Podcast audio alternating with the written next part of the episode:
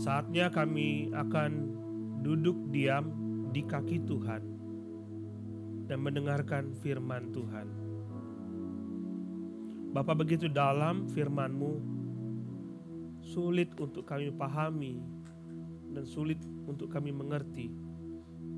Tapi ada satu hal yang kami tahu, bahwa ketika Engkau berfirman, Engkau ingin kami tahu siapakah Engkau.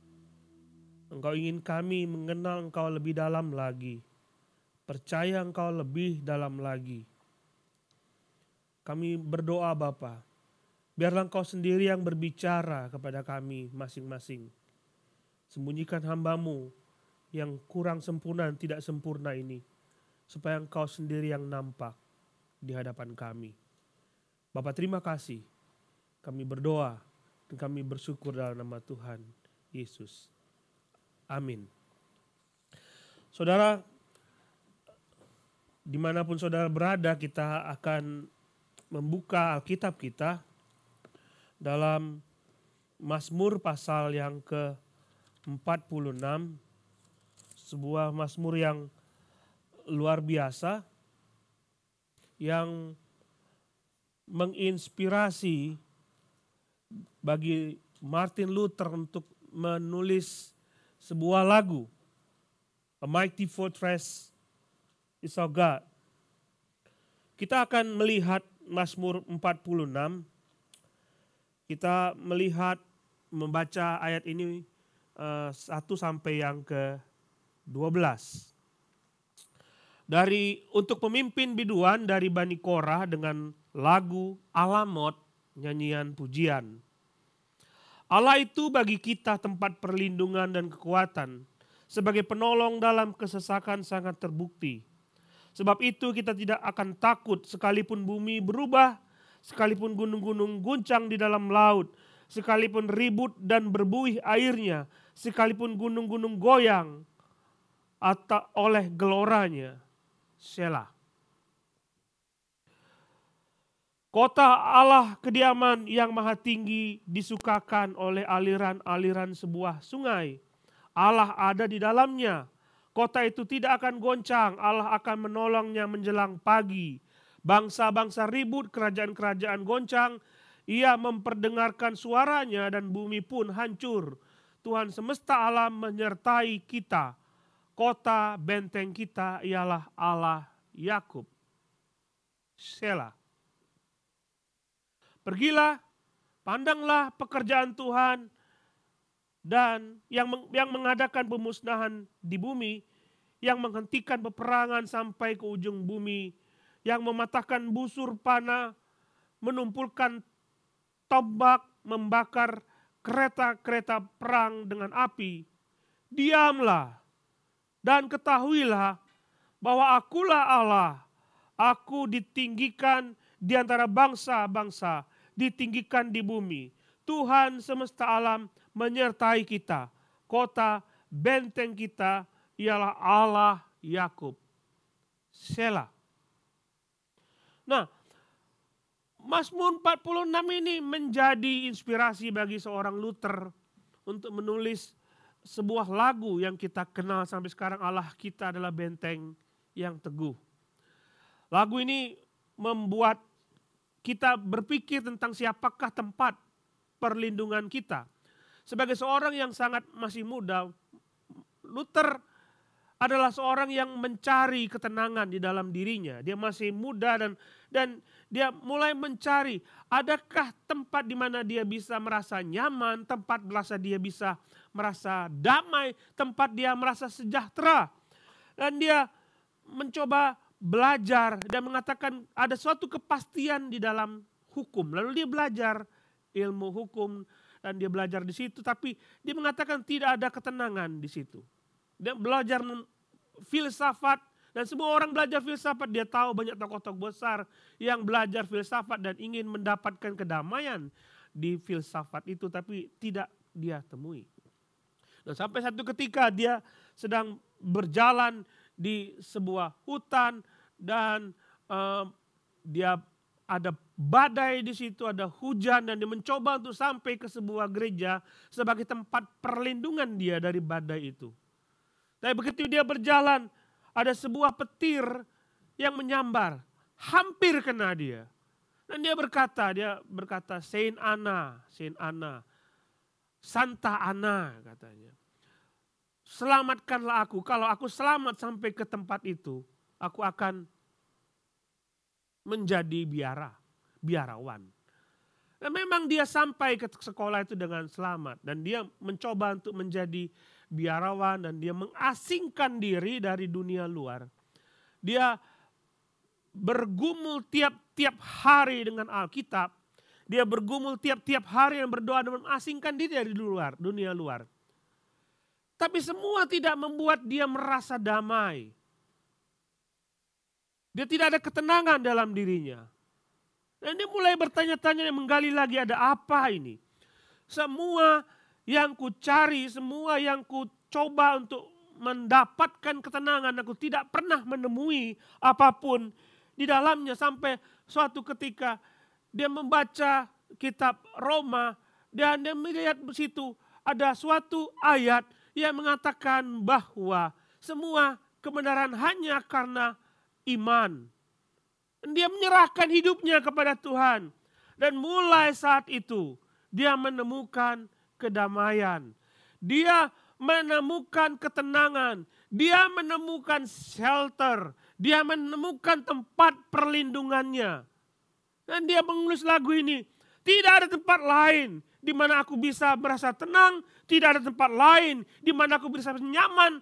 Hanya Tuhanlah tempat perlindunganku. Kita akan belajar dari Mazmur ini.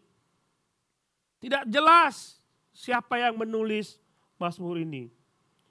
Tapi yang jelas Allah kita adalah tempat perlindungan. Kita akan bagi Mazmur ini dalam tiga bait karena memang lagu ini ditulis tiga bait. Setiap bait dibedakan, dipisahkan dengan kata Shelah. Apa arti kata Shelah? Jadi ketika mereka menyanyi Mazmur, Saudara akan menemukan banyak sekali di, di, di dalam Mazmur nyanyian-nyanyian pujian itu. Ada kata sela di situ. Sela berarti ketika nyanyian itu dinyanyikan lalu lalu setelah mereka menyanyikan satu bait, mereka akan berdiam diri dan membiarkan musik bermain. Lalu mereka akan merenungkan bait-bait yang pernah dinyanyikan tadi, yang sudah sudah dinyanyikan tadi. Mereka merenungkan, oh ini sungguh benar dalam hidupku. Sela artinya merenungkan kembali. Diam dan renungkanlah apa yang kau nyanyikan tadi. Coba kita lihat di sini. Allah itu bagi kita tempat perlindungan dan kekuatan. Tempat sebagai penolong dalam kesesakan sangat terbukti. Lihat kata kesesakan saudara. Nggak, nggak ada yang suka dengan kata ini sebenarnya. Siapa pun di antara kita, siapa pun nggak suka berada dalam kesesakan. Tapi mau nggak mau, kata ini, kejadian ini, situasi ini akan selalu ada dalam kehidupan kita. Tidak peduli apa pun yang saudara alami, apa pun yang saudara uh, apa status apa pun yang saudara pikul, yang saudara emban, keadaan apa pun saudara berada di mana pun saudara. Kesesakan selalu ada atas setiap orang. Daud yang raja sekalipun, dia berada di dalam kesesakan dan tidak ada semua orang yang mau berada di dalam kesesakan. Dan semua orang mencari perlindungan. Saya pikir ini yang terjadi pada situasi saat ini. Semua orang mencari perlindungan. Minggu lalu saya pergi membagikan Eh, kebutuhan bahan pokok kepada jemaat. Dan saya keliling dari rumah ke rumah dan saya lihat di situ pintu-pintu pagar untuk masuk ke perumahan ditutup. Dengan tulisan maaf, akses hanya untuk warga. Orang di luar tidak boleh masuk. Why? Mereka mencari aman dan mereka tidak mengizinkan orang luar untuk masuk. Kenapa? mereka takut. Dan semua orang berada di dalam kesesakan. Sesak artinya you are in trouble. Engkau dalam masalah. Engkau dalam persoalan besar. Dan engkau tidak tahu bagaimana membereskan persoalan itu. Dan pemazmur mengatakan, Allah itu tempat bagi kita tempat perlindungan. Tempat di mana engkau dapat me, men, menyerahkan dirimu dan merasa aman. Itu yang dicari semua orang. Dari sejak dia lahir sampai dia meninggal, dia mencari tempat, selalu mencari tempat di mana dia merasa aman. Dan ini yang terjadi ketika kita waktu lahir.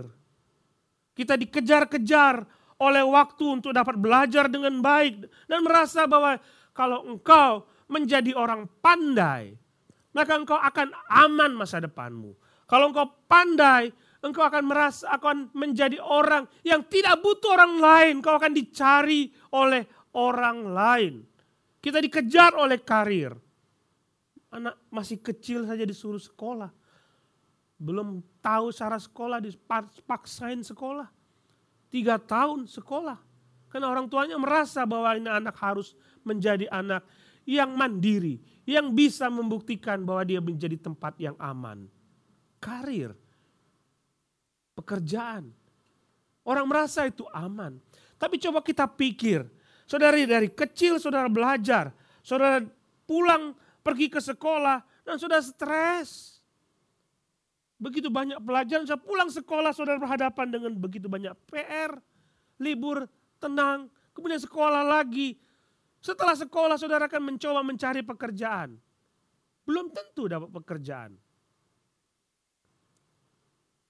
Semua berada dalam kesesakan. Begitu dapat pekerjaan saudara akan stres bagaimana menghidupi keluarga. Dan stres itu tidak akan pernah berkesudahan sampai saudara mati. Orang mati pun kadang-kadang membuat orang lain stres bagaimana beli peti mati yang begitu mahal. Kita hidup dalam suasana seperti itu. Apalagi dalam suasana kayak gini, pandemi. Semua mencari tempat perlindungan. Diam di rumah. Merasa nyaman. Tapi apakah selepas pandemi ini saudara keluar rumah masalah selesai? tidak akan pernah selesai. Kita harus cari satu tempat di mana kita bisa merasa aman. Lihat sini saudara, ayat yang ketiga. Sebab itu kita tidak akan takut sekalipun bumi berubah, sekalipun gunung-gunung goncang di dalam laut, sekalipun ribut dan buih airnya, sekalipun gunung-gunung goyang dan bergelora Sekalipun keadaan ini yang kita cari saudara, masalah demi masalah tidak akan pernah berhenti. Pemasmur tidak mengatakan, saya mencari suatu situasi di mana tidak ada persoalan dalam hidup saya. Tapi dia mengatakan, saya mencari tempat di mana sekalipun sekalipun persoalan itu ada, aku tenang. Dan Allah mengatakan, Dialah tempat perlindungan. Dialah kekuatan itu. Apa pun yang saudara cari tempat perlindungan saudara tidak akan saudara ketemui.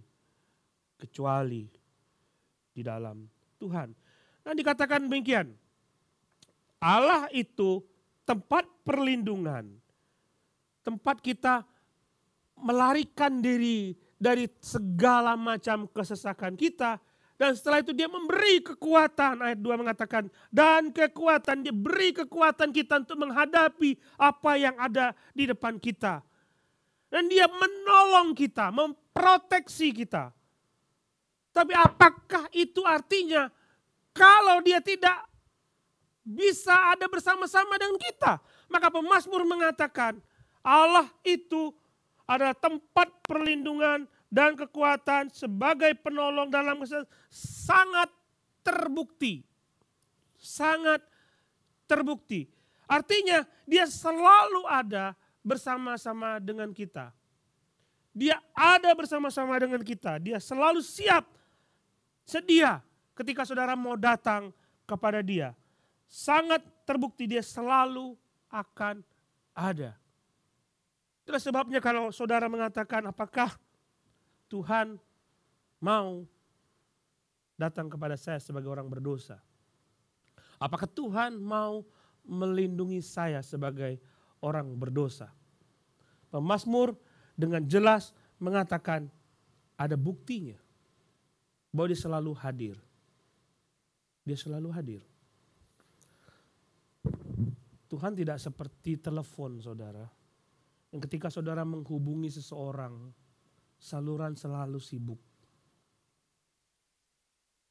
Putus teleponnya, putus koneksinya, tidak ada internet dan sehingga tidak tidak berkoneksi sama orang lain. Tuhan selalu mudah untuk ditemui.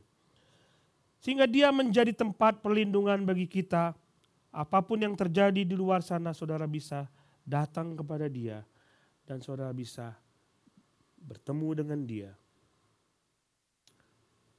Dia mau hadir. Ada seorang sakit kusta datang kepada Yesus. Dia bertanya kepada Yesus, berlutut memohon kepadanya, Tuhan, kalau engkau mau, engkau dapat mentahirkan aku. Maka tergeraklah hati Yesus oleh belas kasihan, lalu ia mengulurkan tangannya, menjama orang itu dan berkata kepadanya, aku mau, jadilah engkau tahir. Engkau lihat di sini, bahwa Tuhan selalu mau menolong saudara. Yesaya pasal yang ke-65 ayat 1.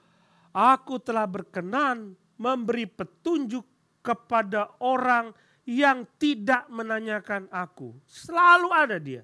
Aku telah berkenan ditemui oleh orang yang tidak mencariku. Selalu dia mencari-cari. Dia tahu saudara berada dalam kesulitan yang yang dia mau adalah saudara datang kepada dia untuk dapat mendapatkan perlindungan. Sela, pikirkan itu. Renungkan itu. Kemudian lain berkata, kota Allah, kediaman yang maha tinggi disukakan oleh aliran-aliran sebuah sungai. Allah ada di dalamnya. Kota itu tidak akan goncang Allah akan menolongnya menjelang pagi. Memang tidak jelas konteks dari Mazmur ini. Apakah ini menceritakan tentang suatu kejadian atau tidak? Memang banyak ahli penafsir mengatakan ini terjadi ketika Hizkia di berada di Yerusalem dan dikepung oleh uh, Sanhenrib dan dalam keadaan pengepungan itu, Mazmur ini dibuat. Saudara, kita nggak jelas itu. Kita nggak tahu apakah itu benar atau tidak. Tetapi kalau dikatakan di sini Allah ada, uh, kota Allah tempat kediaman yang disukakan oleh aliran-aliran sebuah sungai, mungkin saja itu benar. Anda kita tahu bahwa kalau ketika Yerusalem, Yerusalem sebuah kota pada zaman dulu di, di, dikelilingi oleh tembok-tembok yang tinggi. Kota sekarang tidak ada dikelilingi tembok, tapi pada masa itu setiap kota dikelilingi oleh tembok yang tinggi untuk melindungi warganya dari setiap ancaman. Dan ketika kota itu dikepung, Tentara-tentara di sekitarnya akan menghentikan pasokan air sehingga orang yang berada di dalam kota tersebut akan kehausan dan mudah sekali untuk menyerah. Dan Yerusalem saudara, Yerusalem bukanlah sebuah kota yang berada di tepi sungai.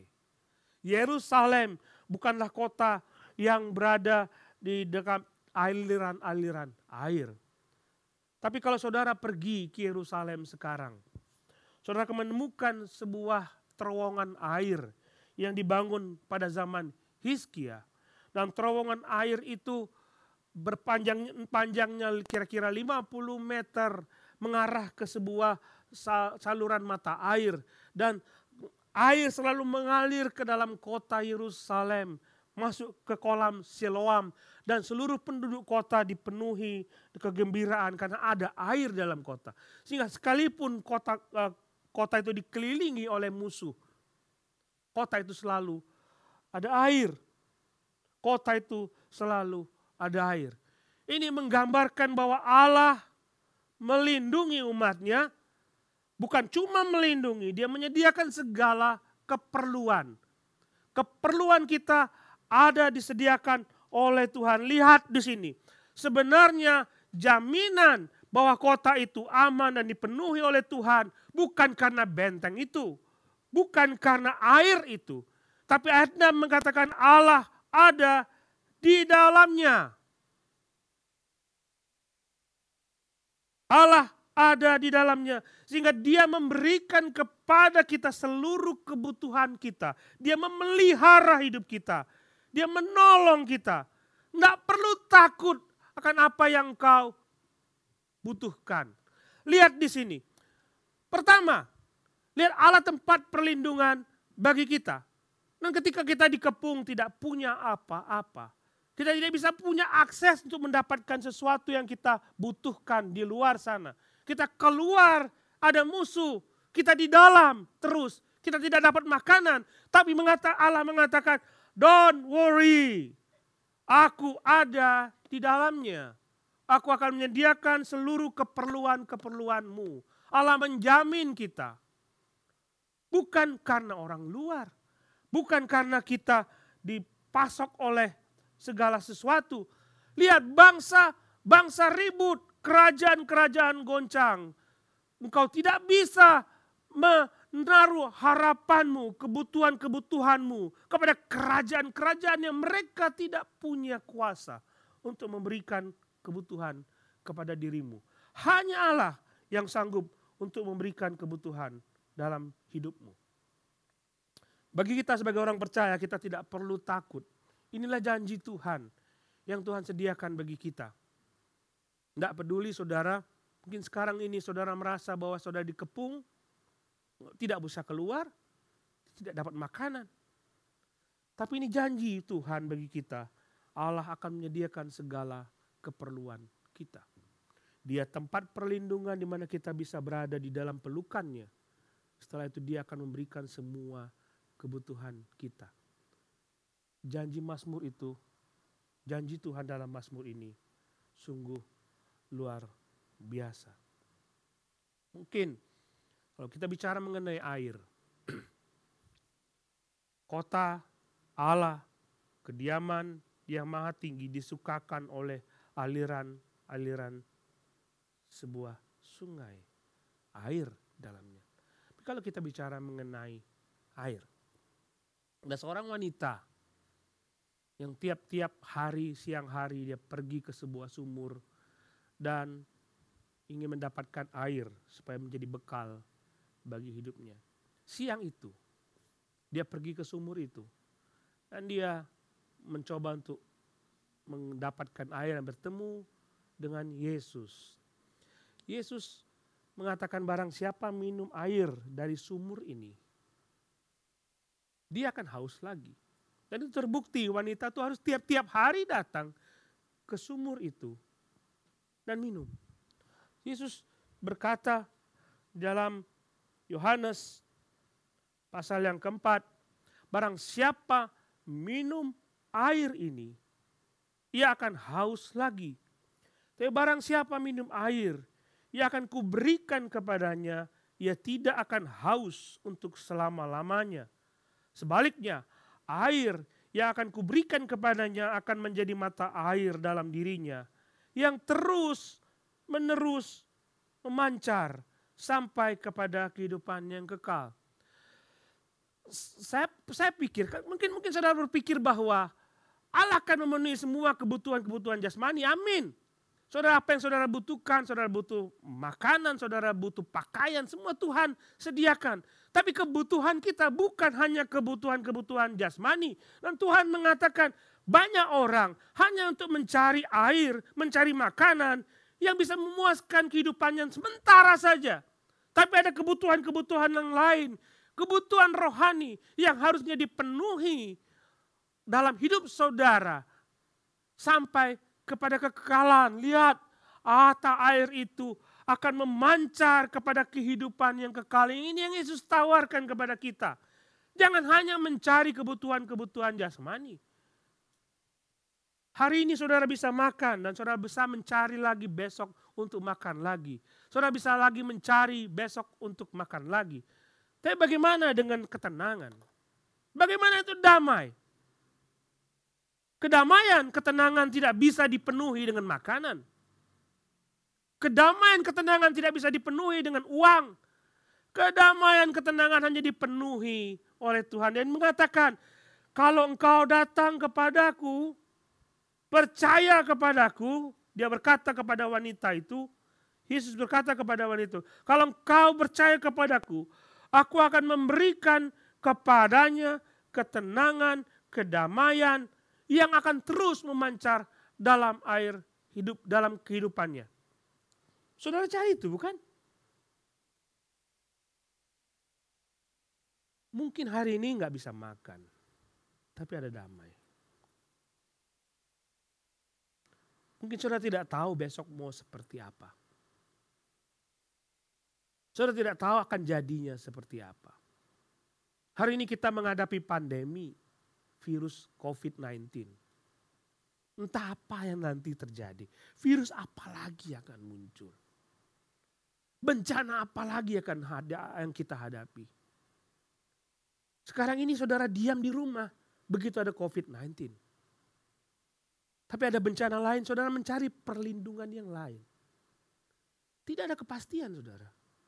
Tapi Yesus mengatakan, kalau engkau berada di dalam aku, aku akan memberikan kepadamu air yang memancar di dalam dirimu. Dan apa pun yang terjadi di luar sana, bumi bergoncang-goncang sana, gunung meletus, apa pun yang terjadi di luar sana. Engkau tetap aman engkau tetap merasa damai. Ini yang Tuhan tawarkan kepada kita. Kota kediaman yang maha tinggi disukakan oleh sebuah sungai. Allah ada di dalamnya. Pertanyaan saya, apakah Allah ada dalam hidupmu? Kalau engkau ingin merasakan damai itu, Allah harus ada dalam. Kalau kota kediamanmu itu harus bersuka cita, maka harus ada Allah di dalam kotamu, di dalam hidupmu. Sela, renungkan itu.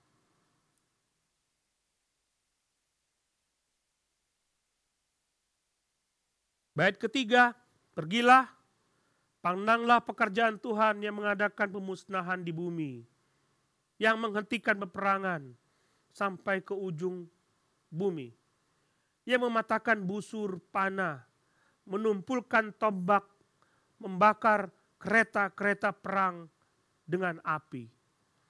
Lihat apa yang Tuhan lakukan. Pergi, yuk lihat sendiri. Apa yang Allah lakukan? Allah mengadakan pemusnahan di bumi, dia bisa lakukan itu. Why? Karena dia Tuhan. Dia yang berdaulat. Dia yang mampu menghentikan peperangan sampai ke ujung bumi. Dia yang mampu untuk memecahkan busur, panah. Dia yang mampu untuk menumpulkan tombak. Dia mampu untuk membakar kereta-kereta. Lihat di sini, ketika manusia takut akan ancaman-ancaman yang ada di dalam sekitarnya. Dia mengatakan, aku mampu menghentikan itu, peperangan itu. Aku mampu menghentikan ancaman-ancaman yang ada di sekitarmu. Dia yang berdaulat. Dan menariknya, ketika pemazmur bercerita tentang Tuhan dalam ayat 2 sampai ayat yang ke-10. Dia bercerita tentang apa yang Allah lakukan. Dia bersaksi bagaimana pemeliharaan Tuhan. Dia baga bersaksi bagaimana perlindungan Tuhan. Dan dia bersaksi untuk memperlihatkan bagaimana karya Tuhan. Setelah itu dia berhenti. Dan Tuhan berkata ini, Tuhan sendiri yang berkata dalam ayat yang ke-11. Diam. Ketahuilah bahwa akulah Allah. Diam. Kenapa Tuhan bilang diam? Ayat 2, bait yang pertama itu. Seringkali orang mencari perlindungan dengan kekuatannya sendiri. Aku bisa berlindung dengan kekuatanku sendiri. Ayat 5 sampai ayat yang ke-8. Tuhan mengatakan aku akan menyediakan segala keperluanmu. Manusia mencoba untuk mengatakan aku bisa untuk memenuhi kebutuhan hidupku sendiri tanpa ada campur tangan Tuhan. Dan Tuhan berkata dalam ayat yang ke-9, pergilah pandanglah aku berdaulat atas semua. Aku bisa melakukan semuanya itu sehingga engkau mengakui bahwa aku Tuhan. Dan engkau tidak mampu untuk berlindung kepada kepada dirimu sendiri. Engkau tidak mampu untuk memenuhi kebutuhan hidupmu kecuali kau diam dan biar aku yang bertindak melindungi engkau. Diam. Berhenti. Berusaha. Serahkan kepada Tuhan. Berhenti berusaha. Hanya dia yang sanggup menghentikan peperangan. Hanya dia sanggup mematahkan busur. Hanya dia yang sanggup untuk memenuhi segala keperluan. Dia berdaulat Tuhan. Tuhan berdaulat. Ini saatnya. Ketika manusia merasa bahwa dia mampu untuk melakukan apa pun. Tuhan berikan pandemi ini. Supaya engkau diam di rumahmu. Dan merenungkan kembali bahwa engkau tidak mampu melakukan apa pun. Diam. Saatnya engkau mengakui kau tidak mampu. Saatnya kita datang kepada Tuhan mengatakan, aku sudah berusaha Tuhan. Aku menyerah. Dan aku berhenti bergantung kepada diriku sendiri. Aku tidak sanggup. Dan aku tahu bahwa engkau yang berdaulat. Nabi Yesaya pernah mengatakan ini ketika dia melihat bahwa bangsa Israel begitu tegar tengkuknya. Dia berkata dalam Yesaya 30 ayat 15. Sebab beginilah firman Tuhan Allah yang maha kudus Allah Israel. Dengan bertobat dan tinggal diam, kamu akan diselamatkan. Sudah diam saja. Bertobat, diam serahkan semua kepada Tuhan. Dengan bertobat dan tinggal diam, kamu akan diselamatkan. Dalam tinggal tenang dan percaya terletak kekuatanmu. Itu maunya Tuhan. Jangan berusaha lagi, stop. Bersandar kepadaku. Itu maunya Tuhan. Tetapi kamu enggan. Kamu berkata, bukan, kami nggak mau engkau Tuhan, kami nggak mau, bukan, bukan, bukan itu, kami nggak mau diam. Kami mau naik kuda dan lari cepat-cepat. Itulah manusia, nggak mau datang kepada Tuhan mencoba terus. Kami mau coba lagi, kami mau coba lagi, kami mau coba lagi. Kami mau mengendarai kuda tangkas. Enggak tahu siapa yang berdolat. Tuhan berkata, maka kalau kamu mencari, mengendarai kuda yang tangkas dan kamu pikir kuda itu dapat menyelamatkan hidupmu. Dan Tuhan berkata, para pengajarmu akan lebih tangkas lagi. Nggak, nggak mampu saudara. Sudah, nyerah saja. Serahkan kepada Tuhan. Serahkan kepada Tuhan. Dia yang berdaulat. Kalau dia yang berdaulat, dia mau apa saudara? Kadang-kadang kita sebagai bapak, kita lihat anak kita bandel. Dan ingin supaya anak kita itu turut kepada kita. Kita memberi pelajaran kepada dia. Di rumah, sebagai seorang bapak, berdaulat. Kalau bapak mengatakan kalau kamu nggak nggak dapat makan, ya nggak dapat makan. Dikurung kita di dalam kamar, diam di situ, kita tetap dikurung di situ. Dia yang berdaulat di situ. Tapi di sisi lain, kalau dia berdaulat, dia mampu untuk melakukan apa pun demi kebaikan kita.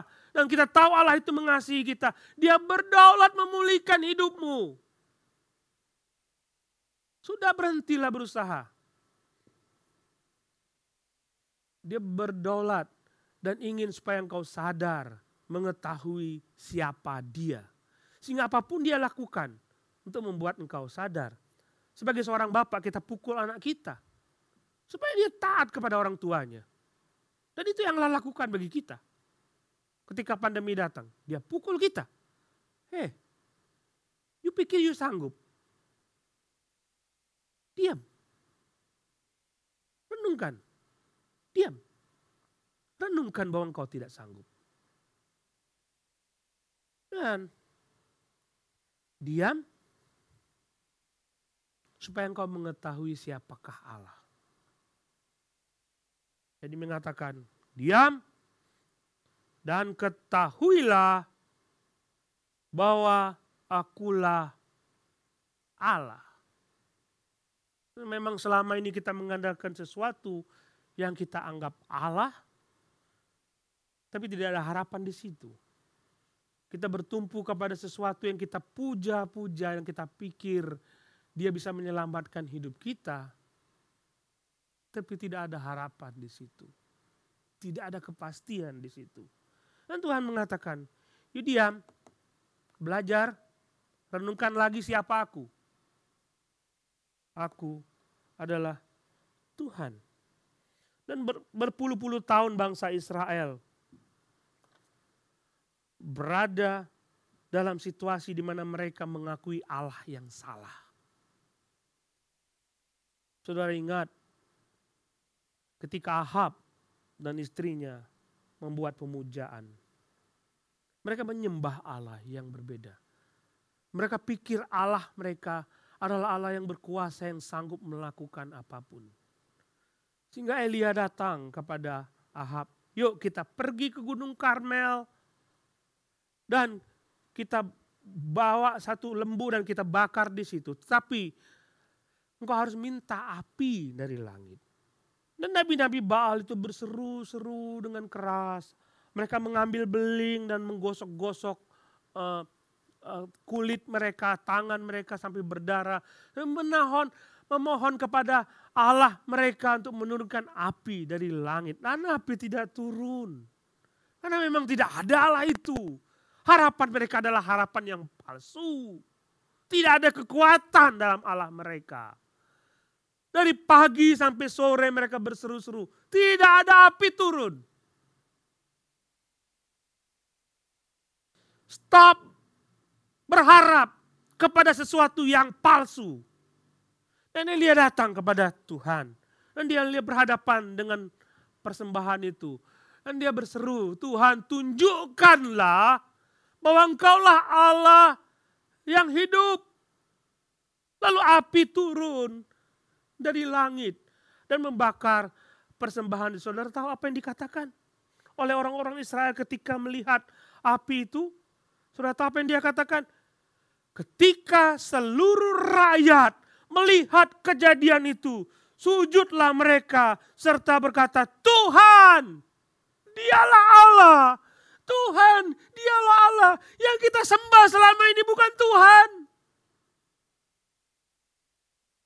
Tuhan mau saudara diam. Saudara jangan berharap kepada sesuatu yang palsu yang tidak dapat menyelamatkan saudara. Kenalilah siapa yang sesungguhnya Allah. Yesus turun ke dunia dalam diri seorang manusia. Suatu ketika Philip bertanya kepada Yesus,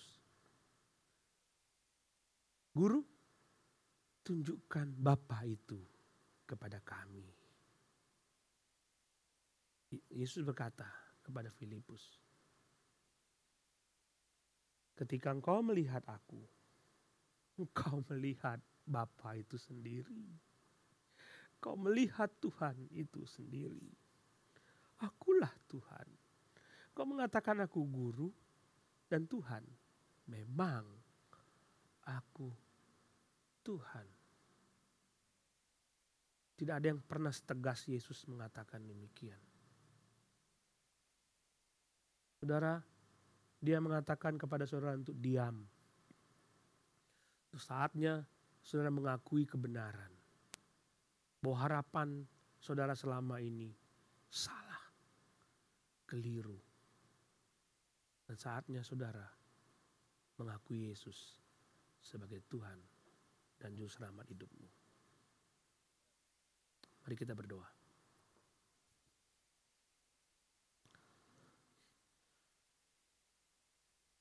Bapa di surga kami mengakui kelemahan kami. Kami mengakui bahwa kami tidak sanggup untuk mengatasi seluruh persoalan dalam hidup kami. Kami bersyukur kami punya Allah yang menjadi perlindungan bagi kami, yang menjadi kekuatan bagi kami, yang menjadi penolong bagi hidup kami. Dan kami tahu Allah selalu ada, selalu hadir untuk dapat memberikan kekuatan bagi kami. Kami tahu Tuhan, mungkin selama ini kami menonjolkan diri kami. Kami berharap kepada kekuatan kami. Kami berharap kepada karir kami. Kami berharap kepada pengetahuan kami. Kami berharap kepada uang kami. Kami berharap kepada sesuatu yang tidak pasti. Saatnya kami akan berharap kepada Engkau sendiri Tuhan. Terima kasih Bapak. Terima kasih.